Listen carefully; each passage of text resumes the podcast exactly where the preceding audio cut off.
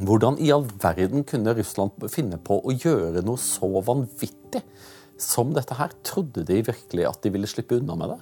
Putin tror at hans eh, mulighetsvindu for å forme Russlands fremtid er i ferd med å lukke seg. Vurderingen var at jeg kan gjøre, klare å gjøre det nå, men eh, om et par år så vil det ikke være mulig igjen, av en lang rekke grunner. Og Det har sammenheng med den måten Russland har utviklet seg de siste 30 år etter Sovjetunionens fall. De har ikke klart å holde på sine egne eh, vitenskapsmenn og -kvinner. De har ingen infrastruktur som på noen som helst måte kan konkurrere med dette. De kan ikke konkurrere i, på de flatene som er viktige fremover. Velkommen til Toyes time, og i dag har jeg med meg Cecilie Hellestveit, eh, som er en norsk jurist og folkerettsekspert, og er aktuell med en ny bok, 'Dårlig nytt fra østfronten'. Men før vi setter i gang og går eh, inn i alt det vanskelige som, eh, som foregår i krigen i øst, så tenkte jeg at liksom, folk må få bli kjent litt med deg. For alle som har sett deg på TV, de hører, en, en de hører hvor du kommer fra. Du er bergenser. Ja, er jo det, tross alt. Det er mange år siden jeg har bodd i Bergen nå, da. Men uh, når du sier det, så blir jeg enda mer bergenser. Hvordan fant du veien inn i akademia? Det var litt tilfeldig, uh, egentlig. Jeg var ferdig med uh, jeg var i ferd med å avslutte et hovedfag, og så gikk jeg på juss. Jeg hadde en sånn dob dobbelt løp. Mm. og så var det Det var 11.9.2001 som brakte meg inn i akademia. Oh, ja. For da hadde jeg bodd i Midtøsten i noen år. Jeg var interessert i krig allerede på det tidspunktet. Og så hadde jeg rett og slett um, vært i New York og jobbet våren 2001. Og så var jeg hjemme på PRIO, mm. Institutt for fredsforskning, og gikk på en sånn sommerkurs der og skrev en oppgave om bin Laden og hans ideologi. Og så hadde jeg en intervjuavtale med Taliban i London den 23.9.2001. Oh. Så da disse flyene fløy inn, eh, så ble det rett og slett slik at forskningsinstitusjoner eh, kastet stipender etter meg. Så da, da, ble jeg på en måte fanget opp i uh, instituttsektoren og har vel aldri klart å helt frigjøre meg fra det. Så det var mer tilfeldigheter enn noe annet. Altså. Ja, ja, men det er jo så mange som akademikere som liksom blir litt svelget av det liksom Når vinnerloddet ditt kommer opp, og du tilfeldigvis har kompetanse på det som det som er eh, Så er det mange som blir litt sånn svelget, og så blir de eksperter på, på det som er de rådende sannheter. Mens du skrev en bok som jeg, som som jeg likte veldig, eh, veldig godt, eh, som eh, heter eh, Som handler om krigens folkerett, som du skrev sammen med eh, Gry Nystuen. Og der tar dere opp en del av de utfordringene som oppsto med denne krigen mot terror. For det, det er ikke bare eh, våre, våre, fiender og våre motstandere, eh, som, eh, som, gjør ting som er svært problematisk. Og krigen mot terror førte med seg en del utfordringer. Vil du snakke litt om det? Ja, altså Krig mot terror er jo det som er utfordringen, fordi det faller litt mellom to stoler. Den krigen vi har i, i Russland, mellom Russland og Ukraina nå, mm. det er jo en klassisk mellomstatlig krig. Og der gjelder liksom alle de reglene som, som gjelder i krigens folkerett, kommer til full anvendelse der. Mm. I Norge så har vi full fred, dyp fred. Her gjelder kun på en måte fredens regler. Og i krigen mot terror så har du litt av hvert. Og det amerikanerne særlig gjorde, var at de tok litt sånn smørbrødlister og tok det de ville ha fra begge regimer, og laget seg liksom sitt eh, tredje regime. Og så sa statene i verden etter hvert at nei, det tror ikke vi at vi skal ha. Men så har statene likevel sagt at jo, forresten, det er jo ganske gunstig. Og de europeiske statene var veldig negative i begynnelsen, frem til 2015, da vi fikk IS som et tilsvarende problem for Europa. Og så viser det seg at vi også har lagt oss på en litt sånn tilsvarende tolkning. Men det der med krigen mot terror det handler jo om igjen da, at man bruker noen av virkemidlene fra, fra, krig, men det er jo egentlig ikke krig på den måten som vi nå har i Ukraina. Snakker du her om uh, sånne ting som bruk av tortur og, og, droner og sånne ting? Er det det vi snakker om?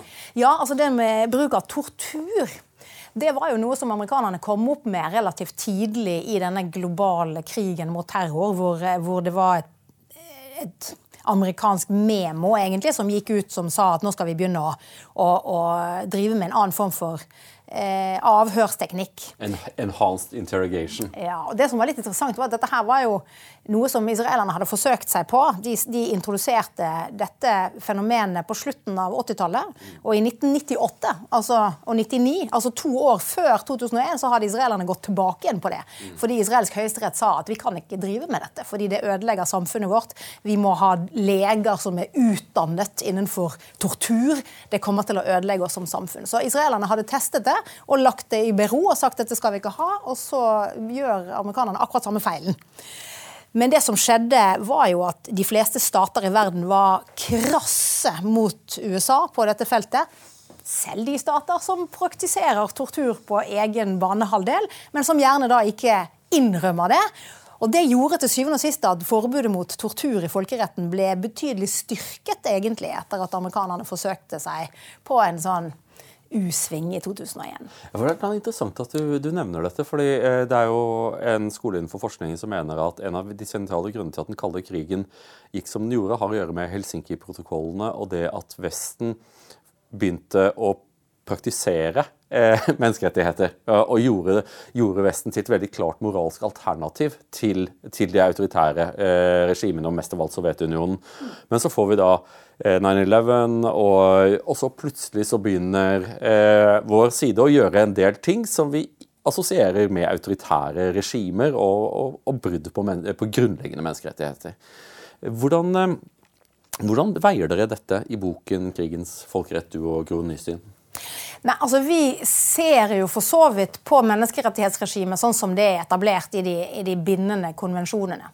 Og det, Når du snakker om Helsinki-prosessen, så kom jo den på 70-tallet. Det var i 1975. Mm. Og det var jo da egentlig ni år etter at disse konvensjonene, altså eh, FN-konvensjonene om politiske og sivile rettigheter først og fremst, ble fremforhandlet. Og de, skulle, de trådte i kraft i 1977. Så det sammenfalt egentlig med at man fikk et sånt eh, folkerettslig instrument da, for menneskerettigheter, som jo eh, vestlige land utnyttet til fulle. Men ikke bare overfor Russland dette, eller Sovjetunionen. Dette gjaldt jo også i den tredje verden. Mm. Men regimet i Moskva i dag, altså Putin og hans menn, anser jo på en måte det rettighetsregimet for å være en av eh, ja, virkemidlene til å velte Sovjetunionen i sin, i, i sin tid. Altså. Så Det er også noe som har, har, vært med Putin i mange mange år. At han har en sånn agg til denne demokrati- og menneskerettighetsdiskursen, om du vil. Det man skal være klar over, er jo at eh, eh det multilaterale regimet som finnes rundt menneskerettighetene, er et regime som, er som aspirerer til å gjøre verden til et bedre sted. Mm. Når vi snakker om krigens folkerett, så har den en helt annen et helt annet formål. Den handler først og fremst om å, om å beskytte mennesker fra helvete på jord. Mm. For hvis du har krig mellom to, særlig mellom to stater, så er det altså eh, noe som er så grusomt at det krigens folkerett gjør, er egentlig ikke å forsøke å forbedre verden, men forsøke å hindre oss fra å få, få helvete på jord. Og Det gjør at når menneskerettighets aktivister begynner å bevege seg over i krigens folkerett, så bommer de ofte litt. Ikke sant? Fordi at det er andre hensyn i krigens folkerett sammenlignet med de som vi har i menneskerettighetsregimet. Det er ett sett med juridiske regler som kan praktiseres innenfor rammene av en nasjonalstat i, i, i fred, eh, er noe ganske annet enn de reglene som finnes på det internasjonale planet, men altså at det finnes et tilsvarende dualitet mellom menneskerettigheter og krigens folkerett. På samme måte så er menneskerettighetene et ganske, er et, er et ganske bredt, er et bredt telt. Mens krigens folkerett, på samme måte som reglene i mellomstatlige affærer, der er det eh, eh langt mer begrenset, men også langt viktigere at det ikke blir brutt. Er det, er, leser jeg det riktig? Ja, det er helt riktig. Og det, det er også annet, eh, en, en, annen forskjell her. og det er at Menneskerettighetene har på en måte ganske mange internasjonale institusjoner som du kan eh, bruke både på det internasjonale planet, men også overfor statene. Mens krigens folkerett der er det ikke først og fremst institusjoner. Det er regler som er gamle. Det er ikke slik at dette her ble, ble laget i, i, 1949. Dette her de går tilbake mange mange hundre år og gjelder egentlig alle de store sivilisasjonene vi har. Så finner du relativt like regler for hvordan man skal, skal drive med krigføring, nettopp for å ikke totalt desimere og ødelegge samfunn, og, og, og, sørge for at krigen blir for brutal, rett og slett. Og Det er, er, jo det som også er litt av poenget i krigens folkerett. At det er en sånn gjensidighetstankegang der som gjør at de reglene vil alltid tjene de krigførende også. Sant? Og hvis du ser f.eks. på uh, forbudet mot, mot uh, kjemivåpen, så var jo ikke det et forbud som kom for å beskytte det sivile. Det var et forbud som kom fordi statene ble enige om at vinden kan snu, så vi kan på en måte få dette her rett i ansiktet på våre egne soldater. Soldatene blir skadet. De blir ikke drept, de blir skadet. Og vi sitter igjen med skadede soldater som vi har ansvar for i 50 år, som er altfor dyrt for oss. Og så deserterer soldatene fordi det er veldig høy lidelse knyttet til disse skadene. Og så får vi ikke rekruttert til krigen. Så det var et våpen som gjorde det veldig vanskelig å drive med krigføring. og Derfor ble de enige om at dette skal vi forby, slik at vi på en måte kan, kan krige på, på normalt vis. Så det er ofte sånne forklaringer egentlig på en del av de reglene som vi har i krigens folkerett. Som også gjør at, at de som faktisk kriger, har en egeninteresse av å opprettholde reglene. Ja, nei, for Det er jo veldig interessant også at liksom et, et, maleri som Singer Sargents maleri av, eh, av britiske soldater som opplevde et gassangrep, der de står på rekke alle sammen har blodig bandasje foran, uh, foran, øynene, var jo en av det de, At kunsten bidro til å skape gehør for akkurat denne agendaen, syns jeg er fascinerende og egentlig litt håpefullt. Ja, ikke sant. Ikke sant. Eller Guernica, da, eh, fra bombingen i, under den spanske borgerkrigen, som også var en av de der store maleriene som fikk i gang Eh, en diskusjon rundt bruk av virkemidler i krig. Hva slags karakter vil du eh, gi eh, Nato-alliansen i Afghanistan? Vi, var, vi, vi, vi, må ikke glemme helt at det er bare ett år siden oppdraget tok slutt. I den perioden så døde 127 000 afghanere i krigshandlinger. Vi kalte det aldri en krig, vi mente at det var et oppdrag. Hva slags, hva slags karakterer gir det? Eller, jeg går ut fra at dere reflekterer over dette i boka. Var det Eh, klarte Vesten å holde seg innenfor de rammene som vi, eh, som vi hadde lovet at vi skulle holde oss, inn, holde oss innenfor? Eh, jeg tror nok at Når du ser på Afghanistan-oppdraget, som jo hadde mange faser Eh, det var den første fasen like etter eh, i 2001, hvor det var en del av svaret på 11.9. Og så kom du inn i en ISAF-fase, som egentlig handlet om at europeiske land ønsket å drive med nasjonsbygging. Og så fikk du denne fasen etter 2014, hvor man egentlig eh, assisterte da, afghanske myndigheter med å holde, holde kontroll i, i, landet. I en mye, mye farligere situasjon, egentlig. Mm. Eh, men det er klart, altså eh, Jeg tror også du kan si at norske soldater ikke nødvendigvis kan plasseres i samme bås som bl.a. de amerikanske. For de amerikanske hadde to operasjoner som gikk parallelt. En hvor du skulle bekjempe Taliban, eh, og de hadde gjerne møter før lunsj. Og så hadde du ISAF, som til dels skulle samarbeide med Taliban. Og når du har to operasjoner som går parallelt, og som til dels har litt sånn selvmotsigende målsetninger, så er det klart det er ikke så stor mulighet for at det går så bra. Jeg, jeg har vært i Afghanistan en del og var der mye på 2000-tallet. Og mener nok at en av hovedutfordringene i Afghanistan var at det ble satt for lite ressurser. Det ble for fort politisert. Man begynte altfor tidlig å tenke på Irak, særlig amerikanerne.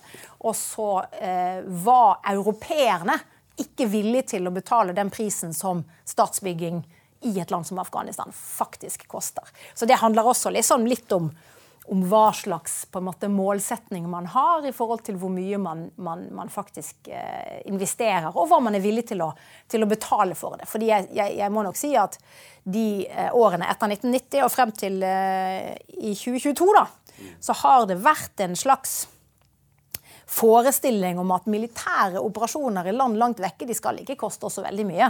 De skal i hvert fall på en måte ikke komme, komme, hit. Nei, ikke i blod, men ikke nødvendigvis i, i, i politiske omkostninger heller. Nei. Så man har på en måte lagt seg til en, en tankegang hvor krig kan egentlig føres ganske eh, ja, uten, uten, at det kommer eh, mennesker hjem i kister. og, og Uh, og uten at det koster oss så veldig mye. Det mener jeg er en farlig tanke. fordi den handler jo ikke om at krigen ikke har omkostninger. Det handler om at det, vi ser ikke omkostningene. Eller vi trenger ikke å betale de omkostningene på kroppen. Ja, for det endte opp, eh, Afghanistan endte jo opp i, så, i, i, i satire. ikke sant? For det, På den ene side så hadde vi da Natos generalsekretær Anders Fogh Rasmussen som sier at Natos skjebne vil avgjøres i Afghanistan.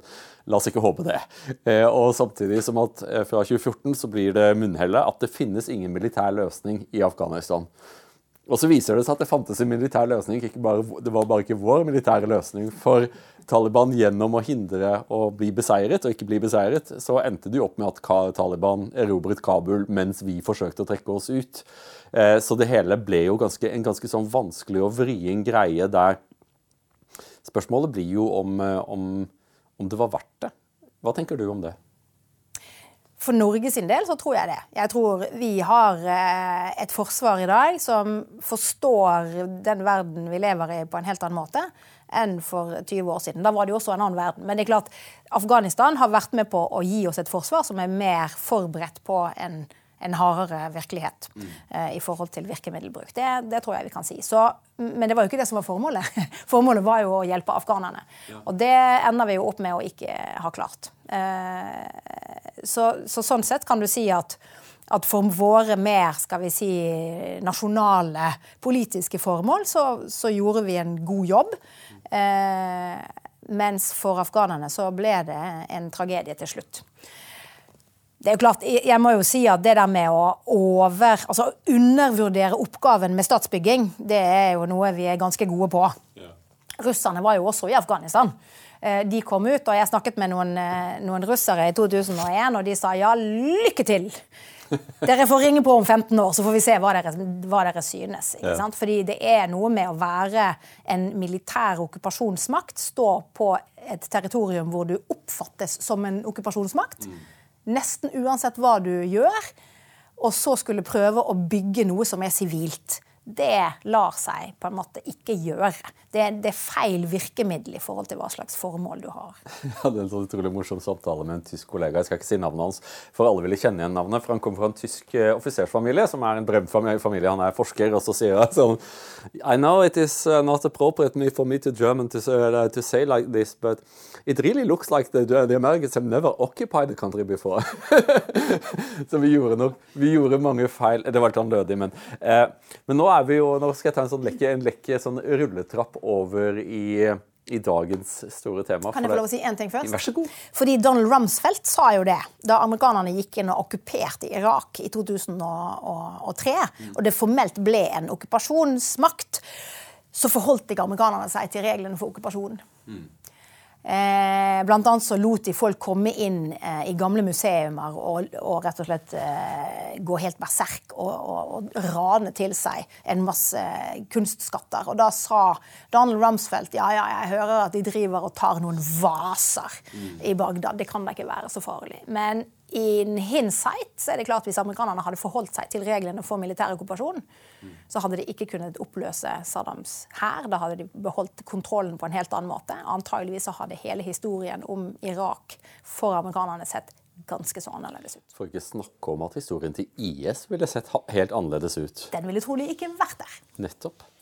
Eh, men, en, men, men, rulletrappa står der fremdeles, for nå foregår det en krig i, eh, i Ukraina. Og så i løpet av vår levetid så har vi jo, har vi jo fått en del sånn beskjeder om at verden, krigen blir, blir, bedre og bedre. Vi, nå har vi, vi har forbudt fosfor, vi har forbudt vakuumvåpen, vi har forbudt klasevåpen. Og så når dette bryter løs, eh, så uh, både russere og ukrainere bruker jo disse våpnene, spesielt russerne, uh, bruker jo klassevåpen hver dag i uka. Fosforvåpen hele tida. Vakuumvåpen brukte de i, i, forsøket på å ta, for å ta Kiev. Ja. La, meg, la, meg, få justere litt nå. fordi at Fosfor er ikke forbudt. Fosfor er forbudt som antipersonellvåpen. Klasevåpen har verken russerne eller ukrainerne eller amerikanerne forbudt gjennom den traktaten som ble fremforhandlet i Oslo mm. i sin tid. Så det er klart, de er ikke bundet av det for, forbudet som sådan, men måten du bruker klasevåpen på, vil veldig fort komme på kant med, med reglene i, i, krigens folkerett. Ja, jeg bare synes det er sånn interessant, for Da vi skrev under på klasevåpenforbudet, så, ble, så, glemte man ofte å nevne det at det landet vi sannsynligvis, hvis vi skulle komme inn i krig, så ville det jo ikke være med Sverige. Det ville være med russerne. Og at russerne da sannsynligvis ville bruke, bruke klasevåpen, det ble liksom Men det var Verden har endret seg mye, altså. For dette var jo en tid der vi anså krig for å være noe som lå bak oss, og fremtiden var borgerkriger og humanitære intervensjoner. Eh, og så eksploderer Ukraina. Vi står nå i den største eh, konflikten eh, siden annen verdenskrig i Europa. Og, og, du har skrevet en bok. Kan, du, kan ikke du ta oss og vise fram til sånn at folk får se coveret? Dårlig nytt fra østfronten, men boken har vært godt nytt for deg. Den har fått veldig gode anmeldelser. Fikk en, fikk en veldig hyggelig anmeldelse i Morgenbladet av Odd Karsten Tveit, så jeg. Ja, ja det gjorde den. Eh, og hva, hva, inspirerte deg til å skrive denne boka? For dette her må, eh, dette må ha gått litt fort. Eh, vanligvis så tar jo sånn tar Faglitteratur er jo noe som tar år og år, i alle fall for meg. Men du klarte å få den ut mens krigen fremdeles pågikk? Ja. nå er det jo slik at det som er bakgrunnen for det jeg skriver her, har jeg jobbet med i mange år. Eh, og det, det, er liksom triologi, en triologi jeg har skrevet. En bok om uh, krigen i Syria og en om krigen i Jemen. Og dette er da krigen i Ukraina. Og Russland har en ganske viktig rolle, i, i hvert fall i Syriakrigen, men til dels også sånn bak, som bakre rekker-aktør uh, i krigen i Jemen. Og jeg har jo jobbet med krig ikke sant, i, i, i i to, to tiår. Og selv om europeiske forskningsprosjekter ikke har ønsket å ha forskning på krig i Europa, det har jo vært en bevisst satsing som skulle bort. Eh, litt sånn fordi at Hvis ikke vi tenker på krig, og hvis ikke vi forsker på krig, og hvis ikke vi har et vokabular for krig, så forsvinner på en måte krigen, nær sagt. Eh, så har jeg eh, ikke trodd på dette, for jeg har på en måte sett noen tendenser de siste 10-12 år om at de store maktene i verden begynner å innrette sine, sine militærmakter på muligheten for mellomstatlig krig igjen. Det har vi sett ganske lenge. Og det gjør jo at man begynner å tenke mer på de de store krigene vi har hatt mellom nasjoner. Og Det sier jo også den amerikanske eh, stabssjefen, sa det nå i august, at eh, han tror det er meget lite sannsynlig at kriger mellom nasjoner er henvist til historiens skraphaug. Og da snakker han ikke om Russland-Ukraina-krigen, men om det som et på en måte mer generelt bilde. Og det er klart det er en veldig eh, foruroligende utvikling, som, men som sagt, noen av oss som, som følger krigsutviklingen i verden, ikke blir veldig overrasket over. Nei, det, nei, det er jo sånn... Unnskyld, du må ta så vise fram. Ja, nei, eh, og her er jo det, er jo på en måte den, den, konvensjonelle krigen som har kommet tilbake. Mm. De siste årene så har vi jo hatt ganske mange store kriger i verden. Vi har, eh, fra 2018 så er det vel flere væpnede konflikter i verden rent sånn antallmessig mm. eh, enn noensinne etter andre verdenskrig. Men de er ganske små. Ja. ja. De er små, og de er på en måte sånn lavintensitetskonflikter. Og så er det noen større, bl.a. krigen i Syria, krigen i Jemen, eh, og selvfølgelig eh, i Kongo.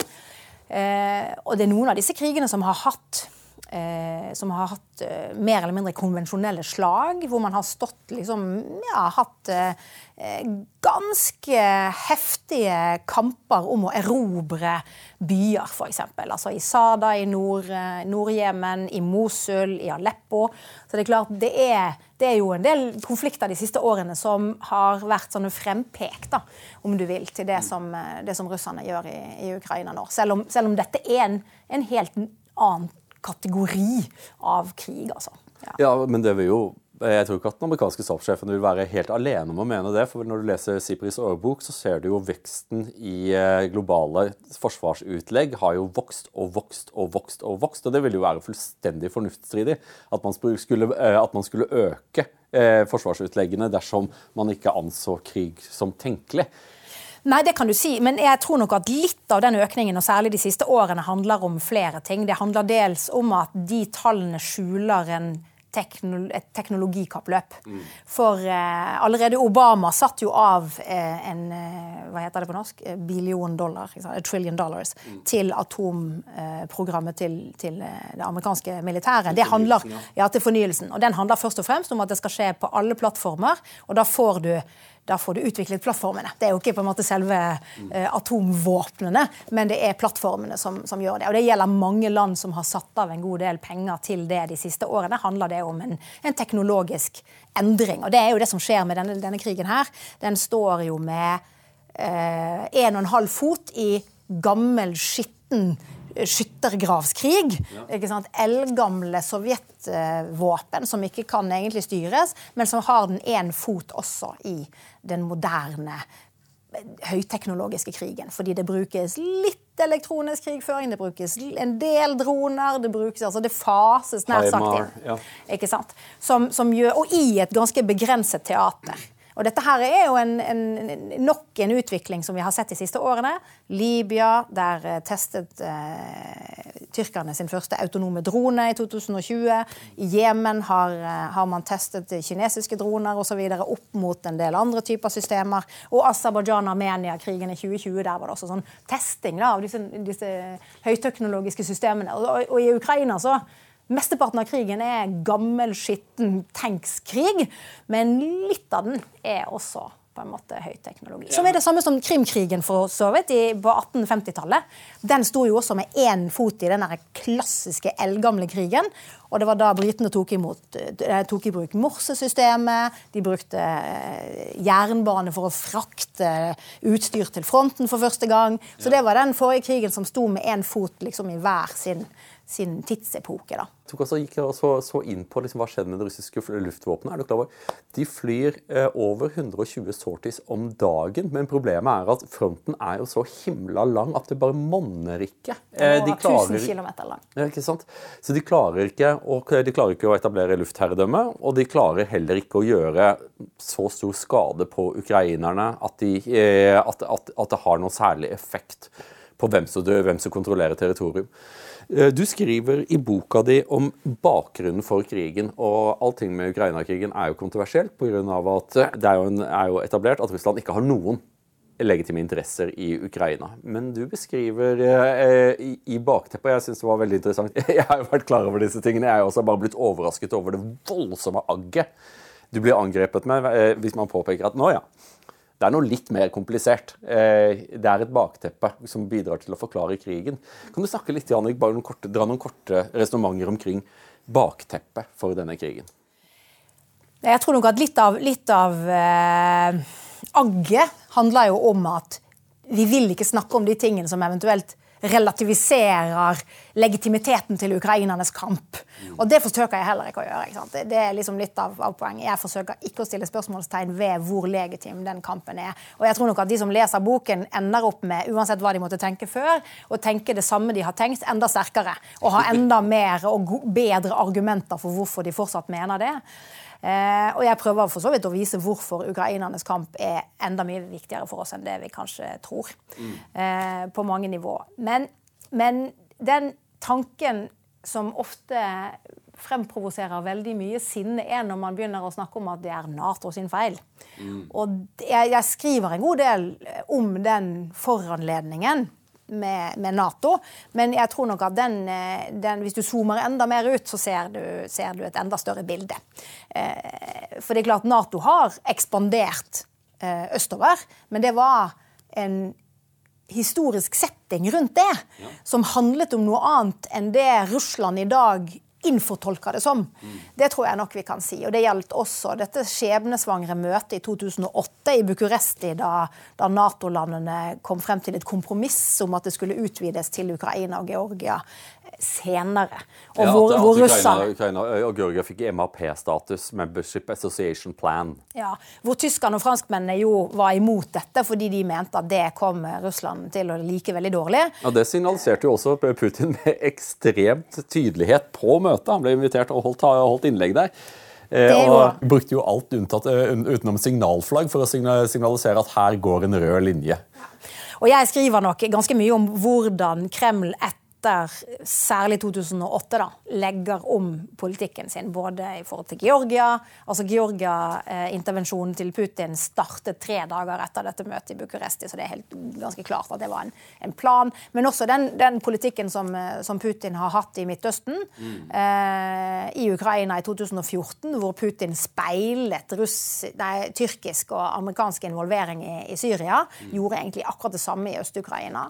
Og, og, hvordan eh, jeg tror at, at, at Russlands Midtøsten-politikk har vært til dels ganske tydelig motivert av å få et grep som har gjort at de skal kunne eh, løse Russlands Ukraina-problem sett fra Moskva. Da. Og at det, har, altså har det, det, ligger noen sånne tråder der historisk. Men så ser jeg også på, på måte, den, den eh, dynamikken med Kina. Fordi For eh, Russlands vedkommende så handler jo mye av det de driver med nå, om å posisjonere seg i forhold til Kina, som kommer som en kule. Mm. Og en del av de landene som har støttet støttet Russland, eller i hvert fall ikke vendt Russland ryggen etter invasjonen i februar, så handler det også etter mitt skjønn om tredjelands behov for å ha en allianse med Russland mot Kina. Og Det er jo klart, det er en relasjon som det er vanskelig for europeerne å gjøre noe med. Og, det er også sågar vanskelig for USA å gjøre noe med det. For så har amerikanerne tre ganger i år vært i Saudi-Arabia for å be Saudi-Arabia om å bryte eh, oljeprissamarbeidet med Putin. Mm. Det oljeprissamarbeidet handler om to ting. Det handler litt om at amerikanerne ble størst på oljeproduksjonen i 2018. Og da hadde de allerede på en måte etablert det samarbeidet for å, for å kunne kontrollere prisen opp mot amerikanerne. Men det handler først og fremst om Kina. fordi det er i Asia at de store fremtidige markedene ligger. Mm. Og da er både Saudi-Arabia og Russland mye sterkere når de står sammen. Og det er klart igjen, det er vanskelig eh, for oss å få med oss tredjestater andre steder i verden. Og få de til å sette sine egne nasjonale økonomiske eller politiske eller militære interesser over styr for å komme Europa til unnsetning. Fordi det er det vi i realiteten ber om. Og, og det skriver jeg en del om, da, den dynamikken der, som, og hvordan den har gitt oss et sanksjonsregime som er mye, mye svakere enn det vi Eh, skulle ønske, og strengt tatt enn det ukrainerne fortjener. Men det er en beskrivelse av den verden, og hvor ganske komplisert den er, og hvordan russerne har klart, tross alt, da, selv om de er isolert, så har de klart å operere og manøvrere på en måte som har, har gjort at vår økonomiske motkrig mot Russland ikke er så effektiv som vi absolutt gjerne helst skulle ønske. Du har, det, du, du har åpenbart helt rett. Eh, over 100 eh, stater i verden slutter ikke opp om sanksjonene. og enda, For å gjøre det enda verre, eh, en av våre allierte, Tyrkia, slutter heller egentlig ikke opp i, i, i praksis om, opp om sanksjonene. Har blitt et veldig viktig clearinghouse for, for russerne. Noen ting som gjør at den planen om å, å, forsøke å kvele dem, det synes ikke å fungere, i alle fall på kort til mellomlang sikt. Men for å ta litt tilbake. Nå sitter vi jo i, i slutten av oktober. Uh, og en ting, en ting, som jeg lærer, er, en konklusjon de har, er at dette har vært en katastrofe for Russland. Uh, Russland uh, vil ikke komme godt ut av dette. De jo, ved å gå til krig så har de jo avslørt seg selv, for å bruke et gammelt begrep, som en koloss på leirføtter.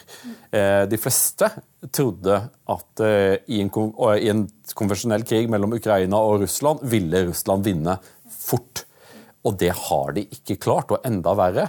Eh, selv om vi, Derfor er lett å glemme at ukrainerne kjemper jo primært med gammelt sovjetisk utstyr, de også. Det er det, det, er det, som, er, det er det som er tyngden i hva de leverer, med gamle BUK-systemer. Og, og, så har de litt, eh, litt garnityr eh, av, av, vestlig materiell som de bruker på en svært effektiv måte. Hvordan i all verden kunne Russland finne på å gjøre noe så vanvittig som dette her? Trodde de virkelig at de ville slippe unna med det?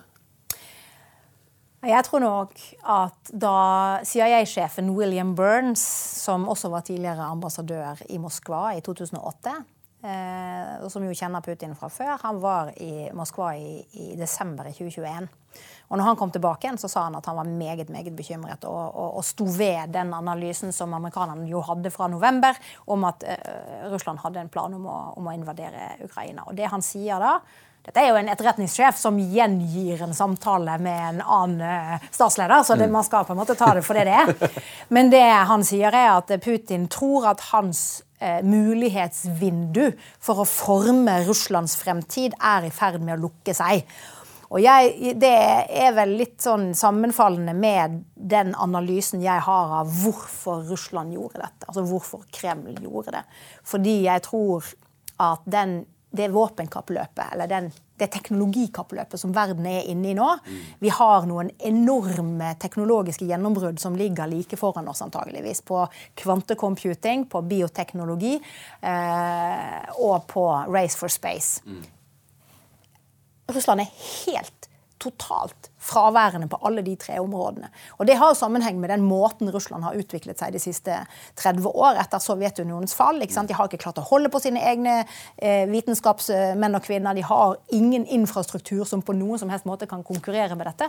De kan ikke konkurrere i, på de flatene som er viktige fremover. Mm. Men det Russland har, de har energi som de leverer til Europa og til Asia. Og så har de mat, som de leverer enda lenger rundt. Og så har de militære fotavtrykk som er lette, men som har gjort at eh, Russland har kunnet spille en, en global makt i sør. Som en sånn slags stabilisator. på, på enkelte Wagner-gruppen i, i Sentralafrikansk republikken, Mali, Venezuela og mest av alt Libya. Sudan også. Og, Sudan en del andre skal vi si, eh, eh, strategiske land i, eh, i Midtøsten og i, i, i Afrika, hvor, hvor, russerne har vært lett til stede, men med stor politisk på en måte, utbytte da, de siste årene. Og det er klart, Kombinasjonen av en del av, av, av disse nettverkene til, til Kreml tror jeg var medvirkende til at, eh, at Putin hadde en, en, formening om at han kom til å klare dette. Først eventuelt å ta Kiev, sånn som han tok eh, Kabul i 1979. Og når ikke det gikk, eventuelt da i hvert fall ta fire, republikk, altså fire fylker langs Azovhavet, sikre seg Krim og kystlinjen og gjøre Azovhavet til en slags indre, et indre farvann, som er sånn mye lenger nede på, på, på en måte ønskelista. Men, men men jeg tror nok at uh, vurderingen var at jeg kan gjøre, klare å gjøre det nå, men uh, om et par år så vil det ikke være mulig igjen, av en lang rekke grunner. Det jeg tror var den store store overraskelsen i Moskva, det var at amerikanerne og britene gikk inn og beslagla reservevalutaen til Russland. Eh, Russland trodde at sanksjonsregimet ikke kom til å bli effektivt. fordi at europeerne... Det var det jo ikke i 2014. Det, det, det, har det ikke vært. Det har jo blitt skrudd opp litt hvert år. Mm. Men det er klart, eh, de, de, de, billige sanksjonene var oppbrukt i 2022. Mm. Og jeg tror nok at Moskva kalkulerte med at verken amerikanerne eller europeerne var villige til å sette såpass mye over styr. Mm. Og det var vi villige til å gjøre. Eh, konsekvensen av det, det vet vi ikke ennå det har oppstått en bevegelse i verden som jeg er veldig bekymret for, som handler om dette med reservevaluta og land i den tredje verden eller i det globale sør. Mm. Men også land som Thailand, Indonesia, Mexico, som nå ønsker seg andre instrumenter for sin reservevaluta enn den amerikanske dollaren. fordi man ikke lenger kan stole på at ikke amerikanerne kommer til å bruke det politisk. Så det er klart, man... for Her må jeg bare ta og hoppe inn, for dette, Du vet og jeg vet, men kanskje seerne ikke vet, at verdens reservevaluta er dollaren, og den, det landet som har verdens reservevaluta, har en vanvittig fordel. Og det for at det at verdenshandelen foregår i dollar, eh, gjør at amerikanerne eh, har en sterk valuta nesten uansett hva de gjør. og Akkurat nå så trykker, har de trykket veldig mye dollar. De har, kjører med kjempestore handelsunderskudd. og Vi kan bare ta en parallell. Se på hvordan det gikk med Storbritannia Storbritannia da de forsøkte å trykke penger og kjøre med handelsunderskudd. Det gikk ikke bra i det hele tatt. Eh, på, eh, så det, det, er jo der mange, iallfall økonomer, mener at kampen om verdensherredømme der vil kampen om, eh, om hva har i reservevalutaen vil være uhorvelig viktig. Og det er nok noen ting som amerikanerne er villige til å kjempe for. Unnskyld. Ja, nei, det, det, nei, tusen takk for at du oppklarte dette. Eh, fordi det er jo akkurat det. ikke sant? Hvis du er den store reservevalutaen, så kan du leve over evne. Også når alle andre ikke kan. Eh, men forutsetningen for at du har en reservevaluta som anses som gullstandard mm som amerikanerne sin, sin, valuta har blitt ansett som, det er at den ikke benyttes politisk. Så i det øyeblikket du begynner å bruke dette eh, finansvirkemidlet som en pisk, da har du et problem. Amerikanerne har jo benyttet dollaren som, en, som utgangspunkt for sanksjonsregimet sitt. Det er jo grunnen til at de amerikanske, er, nei, de amerikanske sanksjonene er så mye mer hardtslående enn de europeiske. er fordi amerikanerne sier hvis du handler i dollar, så kommer du inn under våre domstoler. Mm. Eh, og det gjør at vi kan også presse land som handler i dollar, men som ikke har sanksjoner mot de vi vil at de skal ha sanksjoner med, så kan vi presse de til å gjøre det. Så det, det er på en måte dollaren som gir veldig mye av den amerikanske soft poweren, da, som vi kaller den for. Ikke sant? Og hvis dette her systemet begynner å råkes ved nå, så befinner plutselig amerikanerne seg et helt annet sted. Og de har utfordret dette siden 2018, men ikke på noe tidspunkt så mye som de har gjort i 2022. Og Det er det som er problemet med, med de, de, amerikanske sanksjonene og dette med reservevalutasystemet. At, at er det greit at amerikanerne kan bruke sin posisjon på den måten der? Hva sier kineserne til det? Kineserne det siste halve året snakker stadig oftere om seg selv som en garantist for ekte ekte multilateralisme. Mm. Eh, og dette er ikke normativt fra min side, dette her er jo en analyse hvor man ser at kineserne får stadig flere interessenter som vil være med på andre løsninger enn en de eh, finansmekanismene som, som, ligger hos dollaren, men som amerikanerne nå utnytter litt for mye til egen fordel. Men Tusen takk for at du sier det. for jeg tror at eh, Noe av problemet her i Norge og, i Vesten er, er som den gamle sangen Husker du Live Aid We Are The World? Eh, en stund så var det, var det sånn at det Vesten mente, var det verden måtte forholde seg til. men av og til så må vi ta et steg tilbake og innse at, eh, at verden består av, eh, av, av, stater og stormakter som vi ikke kontrollerer. Og de kommer til å gjøre opp sin egen mening. Og akkurat i forhold til sanksjoner så har jeg et sterkt inntrykk av at sanksjonsregimet mot Russland eh, har blitt tolket i et lys der en del land har tenkt Oi, neste gang kan det være oss. Ønsker vi å leve i en verden der eh, Vesten får en raptus, og så kveler de oss? Eh, og, for dette, det er jo nyvinning. Det er liksom Aldri før har man brukt sanksjoner på den måten vi gjør nå, nå, nå mot Russland. Med god grunn. Med god grunn. Men eh, man, man må også unnskylde andre stater for å tenke er vi komfortable med den presidensen som vi nå setter? Eh, og Det er veldig interessant at du sier at, eh, at, dette fører til understrømninger som begynner å stille spørsmålstegn ved den amerikanske dollaren som verdens reservevaluta, som jo la oss være ærlige, er et viktig del av fundamentet for vestlig dominans i internasjonal politikk. Det er helt riktig. Og det som er utfordringen da, er jo at hvis du ser for deg at, at du får en slags ruptur, kaller jeg det, da. Fordi jeg tror det kommer til å bli veldig turbulent hvis så skulle skje. Fordi det kommer til å gjøre noe med, med den vestlige verdens økonomiske dominans på, mm. på, på mange måter. Eh, og den form for ruptur i verdensøkonomien ville jo ville ramme oss kolossalt. Eh, men så har du også spørsmålet om Norge, da.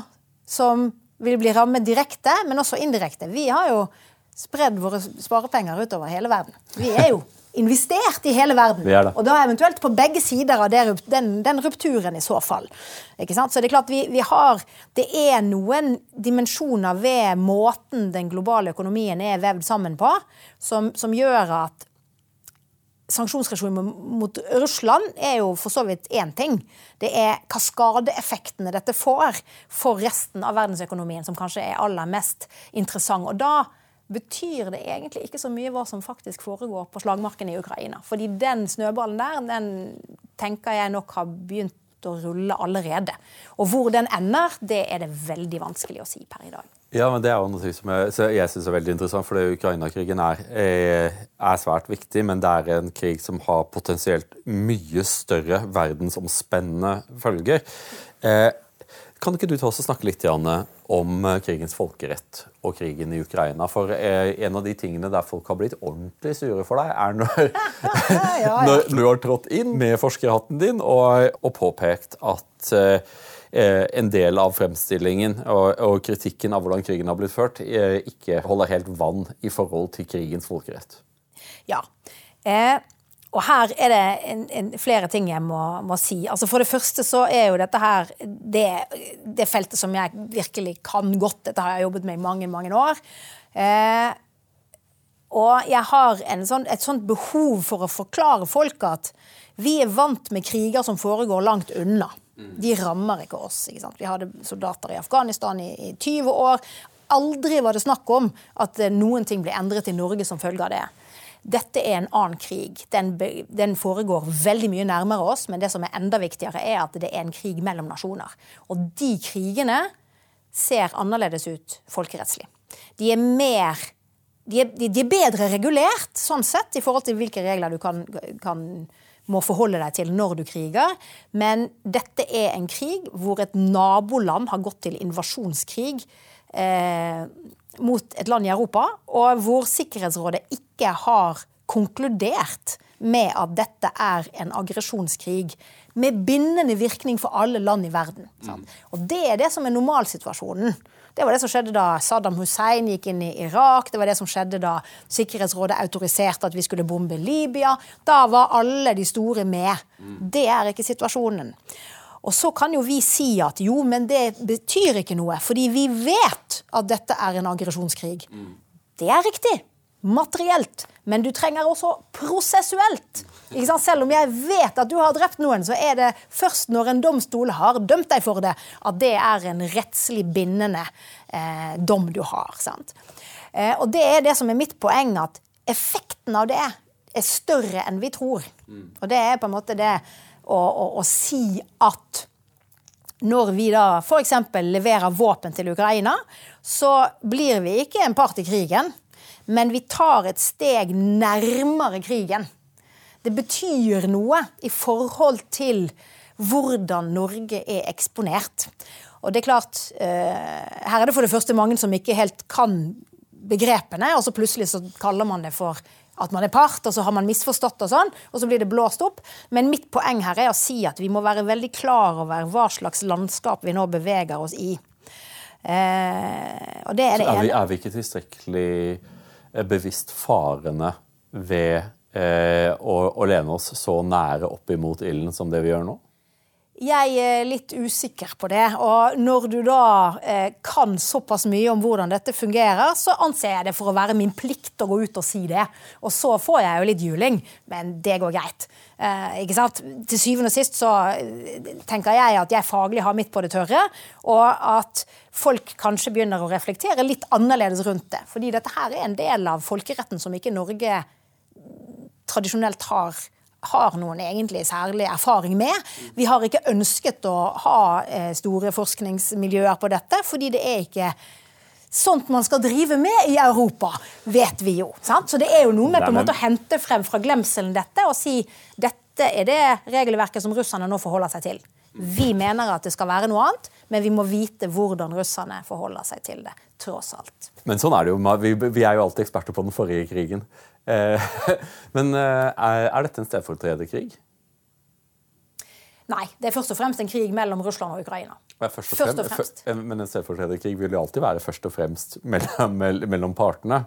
Nei, jeg synes bare det er sånn interessant, for dette, så, så Vi vokste jo opp under den kalde krigen, du og jeg. Eh, og hadde vært under den kalde krigen, så vi ville helt klart kalt dette en stedfortrederkonflikt. For det var mange av dem under den kalde krigen.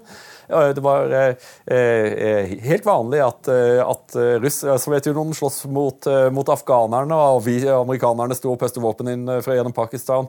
Amerikanerne slåss mot nordvietnameserne, mens russerne sto og pøste inn våpen. Og, og, og stedfortrederkrig var ikke sett på som et veldig, sånn, veldig moralsk terme.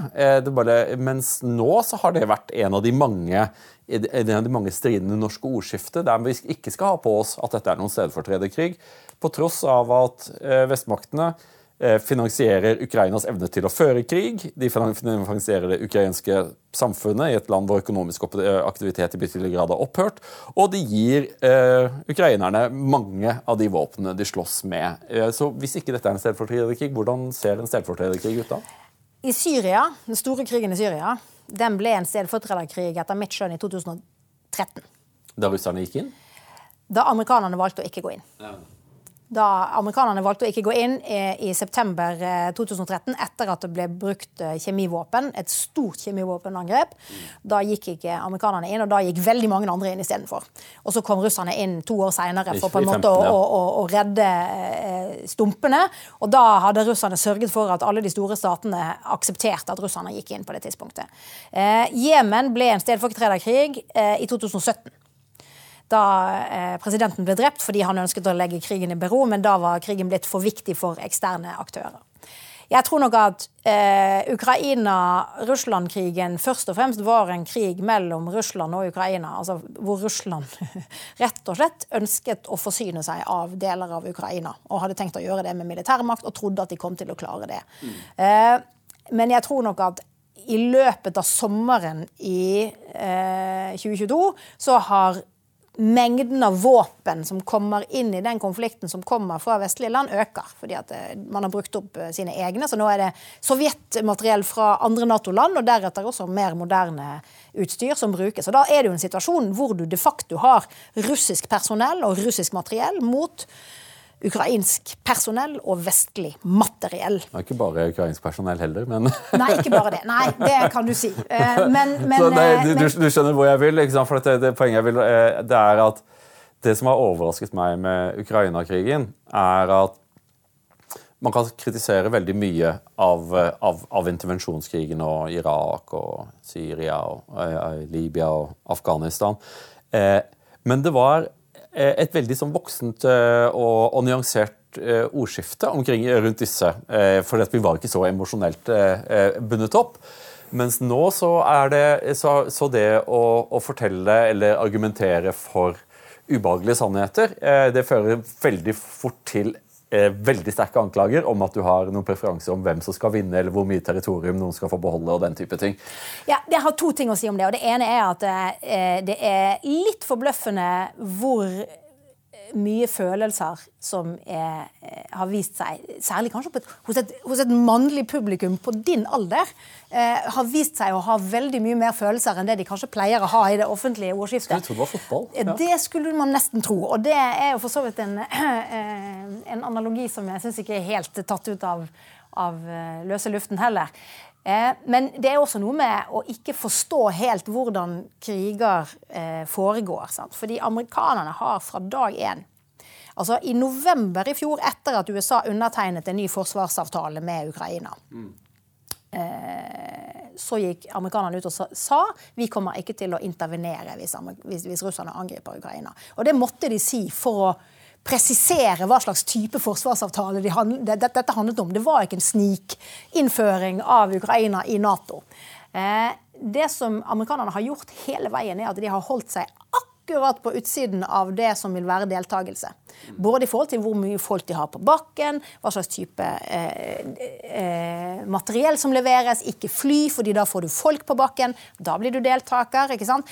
Eh, ikke så langtrekkende raketter at russerne sier at nå kommer det til å på en måte ramme viktige mål langt inn i Russland. Det har amerikanerne for så vidt respektert. ikke sant?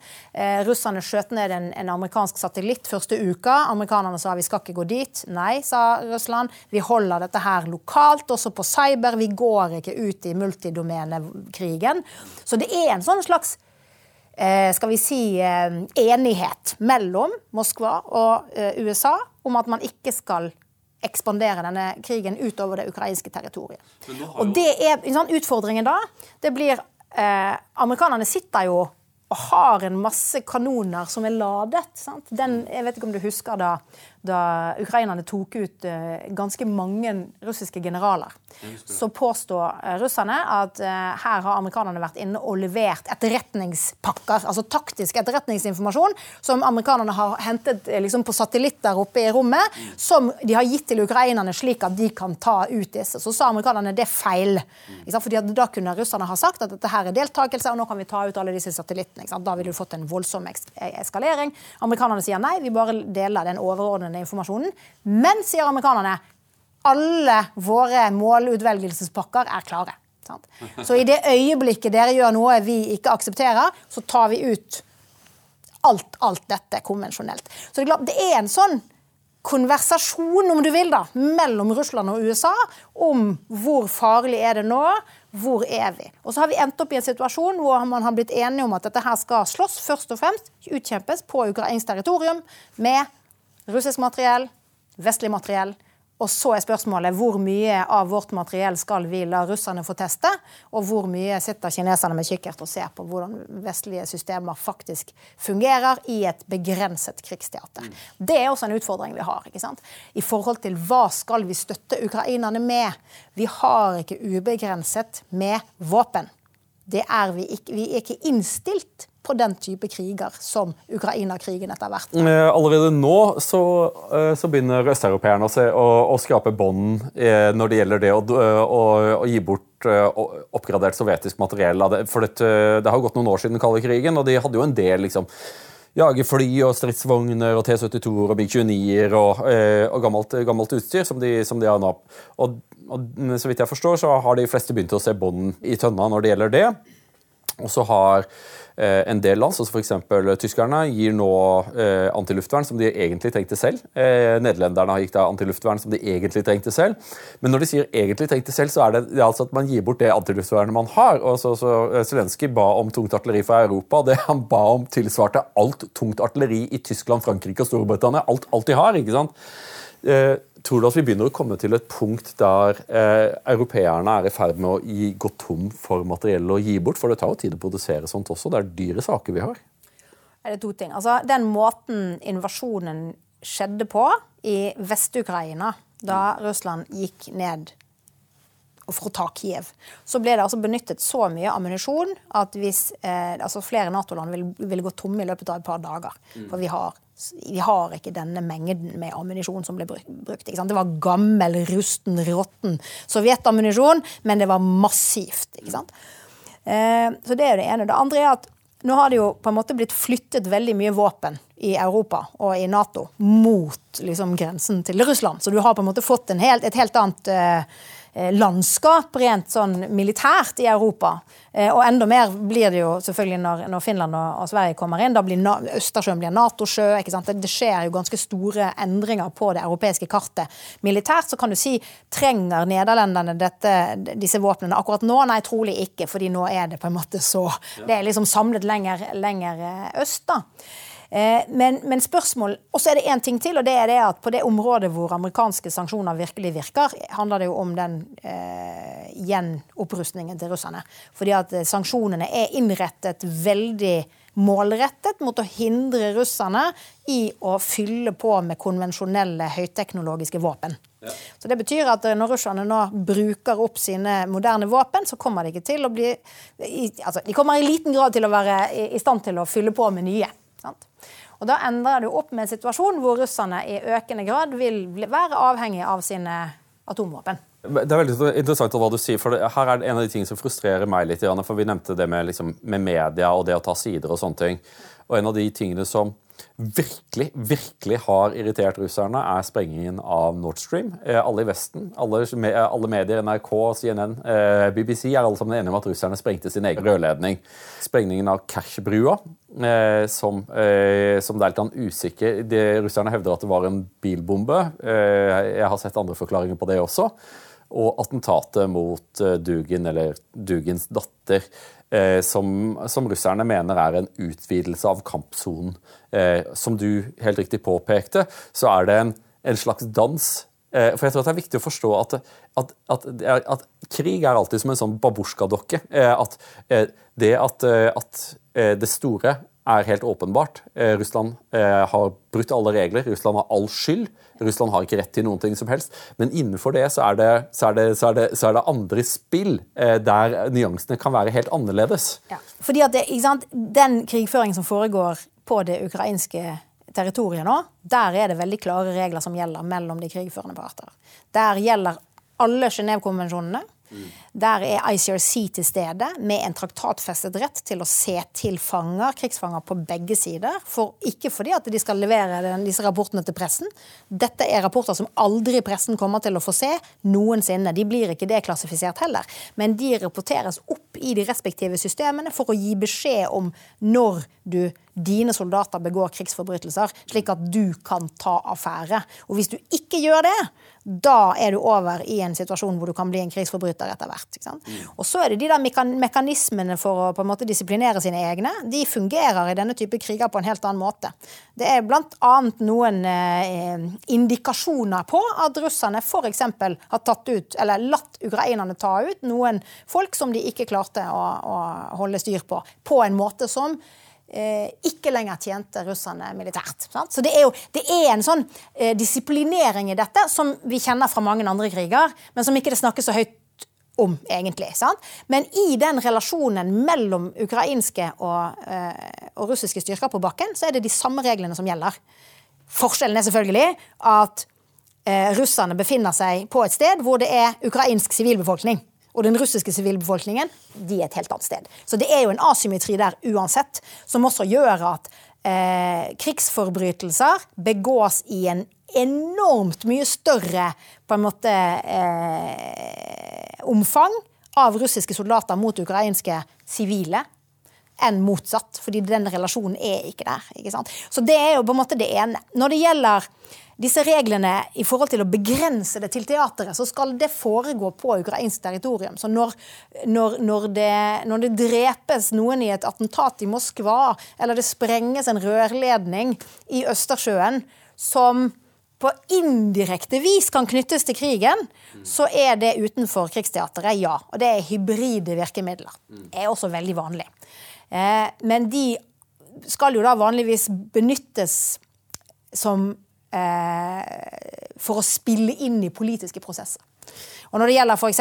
Nord Stream 2 eh, og, og, disse rørledningene, så er det klart eh, Det anser jeg for å være et ganske klassisk, men ganske eh, godt timet hybrid virkemiddel fra russisk side. Så du mener det var russerne som gjorde det? Jeg tror det var russerne. Det er ikke uvanlig at man angriper sine egne i en situasjon hvor det vil tjene deg politisk og diplomatisk. Fordi det som skjedde her nå, dette her var at den, den sprengningen kom samtidig med at Russland annekterte disse fire regionene. Uh, og samtidig som Russland sa nå skal vi mobilisere, og så skal vi sende russiske mobiliserte til det som er den nye russiske grensen som vi nå har flyttet. Og Grunnen til at vi skal gjøre det, er fordi at eh, Vesten truer oss. Og når du da sprenger den gassrørledningen som fører russisk gass til Europa, så er det ikke så vanskelig å på en måte presentere det for din egen befolkning som et bevis på at eh, sant, amerikanerne prøver å ødelegge. Er det nødvendig å presentere noe for sin egen befolkning ja, i en autoritær stat som Russland? Men i tillegg så er det slik at enhver eh, person i Russland eller i Norge eller i Frankrike som går inn og ser Nord Stream 2, det første de får opp, det er at Donald Trump sier at dette skal aldri finne sted. Amerikanerne har vært tunge motstandere av Nord Stream 2 av en lang rekke gode og litt mindre gode, men først og fremst gode grunner. Og det er klart, Da setter du i gang en, en spinn som sier at dette er det amerikanerne som har gjort. Det russerne gjorde, var at de ba om et møte i Sikkerhetsrådet for å diskutere dette, fordi det er russisk gass. Det skjedde utenfor Nato-territorium, utenfor dansk territorialfarvann. Var ikke det veldig risikabelt? Du husker Cuba-krisen. Da var det møte i Sikkerhetsrådet, og så møter disse forferdelige amerikanerne opp med satellittbilder og pekestokk og viser Eh, ville ikke, være, ville ikke, russerne løpe en risiko for et sånt, eh, sånt eh, Cuba-kriseøyeblikk om at amerikanerne igjen møter opp med bilder og sier her er de russiske forskermennene idet de går om bord i, i, i ubåten i Baltysk. Her har vi fulgt denne ubåten, den stopper her, den ligger liksom, var ikke det veldig risikabelt? For jeg trodde at russerne forsøkte å unngå sånt. Ikke nå, fordi at det russerne i så fall kunne sagt, var jo at eh, ja, det er, russ, det er jo amerikanerne som har vært motstandere av denne rørledningen. Og husk hva Powell gjorde i 2003 før Irak-invasjonen. Da løy amerikanerne så det holdt om såkalte beviser for Sikkerhetsrådet. Så det fins mer enn nok i moderne historie å trekke på her. Det som var fordelen til russerne Nei, men nå skal du høre, fordi det som var fordelen til russerne, var at da, da, da Sikkerhetsrådet skulle kalles sammen sammen for å helt riktig fordømme russisk anneksjon av fire ukrainske provinser, så kunne russerne si men vi har allerede kalt inn til dette møtet fordi noen har angrepet vår gassrørledning. Så da ble det et tilleggstema på det møtet som russerne hadde kalt inn til. For det er klart, når du, når du, når du sprenger en rørledning som ikke befinner seg innenfor en stats territorialfarvann, så er det de landene som da ligger i hver sin ende av rørledningen, som er de berørte landene, som kan være med på å bestemme A hvem tror vi står bak? B. Hva skal være reaksjonen? Veldig, veldig interessant. Eh, når vi ser framover For det, det, er jo åpenbart at denne krigen har hatt eh, en enormt høy eh, omkostning for sivilbefolkningen i Ukraina. Og det er også over tvil at krigsforbrytelser har funnet sted i kjempeskala, og at eh, russerne Eh, har stått for en betydelig andel av disse. Jeg forsøker å legge ordene mine på, på, på gullvekt, for det er, jo, det er, jo, slik at disse reglene er, er, er, helt uavhengig av hvem som har rett. Eh, disse reglene gjelder for alle parter i en krig. og Det er veldig viktig å, å ha det med seg. Det er ikke sånn at fordi at du har angrepet, så har du carte blanche til å gjøre hva du vil. Det er det som er hele pointet med det. så jeg forsøker, men, eh, men jeg tror at de fleste vil, vil, vil tenke at det at, my, at det er russiske offiserer, russiske menn, russiske ledere som er ansvarlige for å ha brutt krigens folkerett. Eh, hva kan skje? Hva, eh, hva, slags konsekvenser kan dette ha for, for, Russland? Nei, altså, Det som er spesielt med denne krigen, her, er at det er den første store mellomstatlige krigen vi har. Hvor vi har opprettet den internasjonale straffedomstolen. Mm. Og den har jurisdiksjon. Mm. Verken Ukraina eller Russland er jo medlemmer av, av ICC i Haag, men eh, Ukraina har gitt ICC rett til å straffeforfølge alle forbrytelser mot menneskeheten, krigsforbrytelser og folkemord som foregår på ukrainsk territorium, open-ended.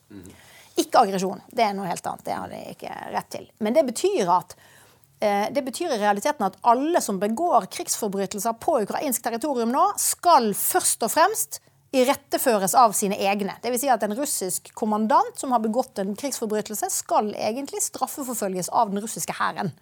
Og hvis ikke Russland gjør det, så kan ICC kreve vedkommende utlevert. Eller alle andre land i verden kan kreve vedkommende utlevert. Fordi Genévekonvensjonene i denne type kriger der er det slik at du har en plikt til enten å straffeforfølge dine egne krigsforbrytere eller å utlevere dem til Genévekonvensjonenes ratifiserende stater, og det er alle land i verden.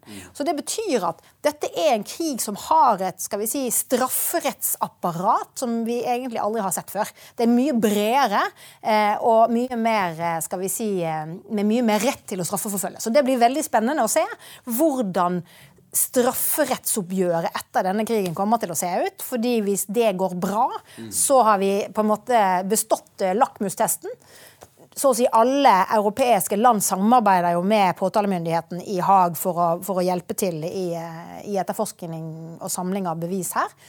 Og hvis vi ikke består det, da har vi et eh, stort problem. Så jeg tror at, at, uavhengig av hva som måtte skje i forhold til de overordnede politiske problemstillingene, eller straffeforfølgelse for aggresjon eller økonomisk ansvar osv., det å få straffeforfulgt de krigsforbrytelsene som har blitt begått i Ukraina-krigen, er veldig viktig prinsipielt. Så hvis vi ikke lykkes med det, så vil det i sannhet være dårlig nytt fra østfronten? Enda dårligere nytt, faktisk. Cecilie Ellestveit, det har vært en glede å ha deg her på Toyes time. Jeg håper det, du, du, har så mye interessant å si. Jeg skulle ønske at vi hadde hatt eh, to timer. Jeg håper at jeg kan invitere deg igjen snart. Gjerne det. Takk skal du ha. Takk skal du ha.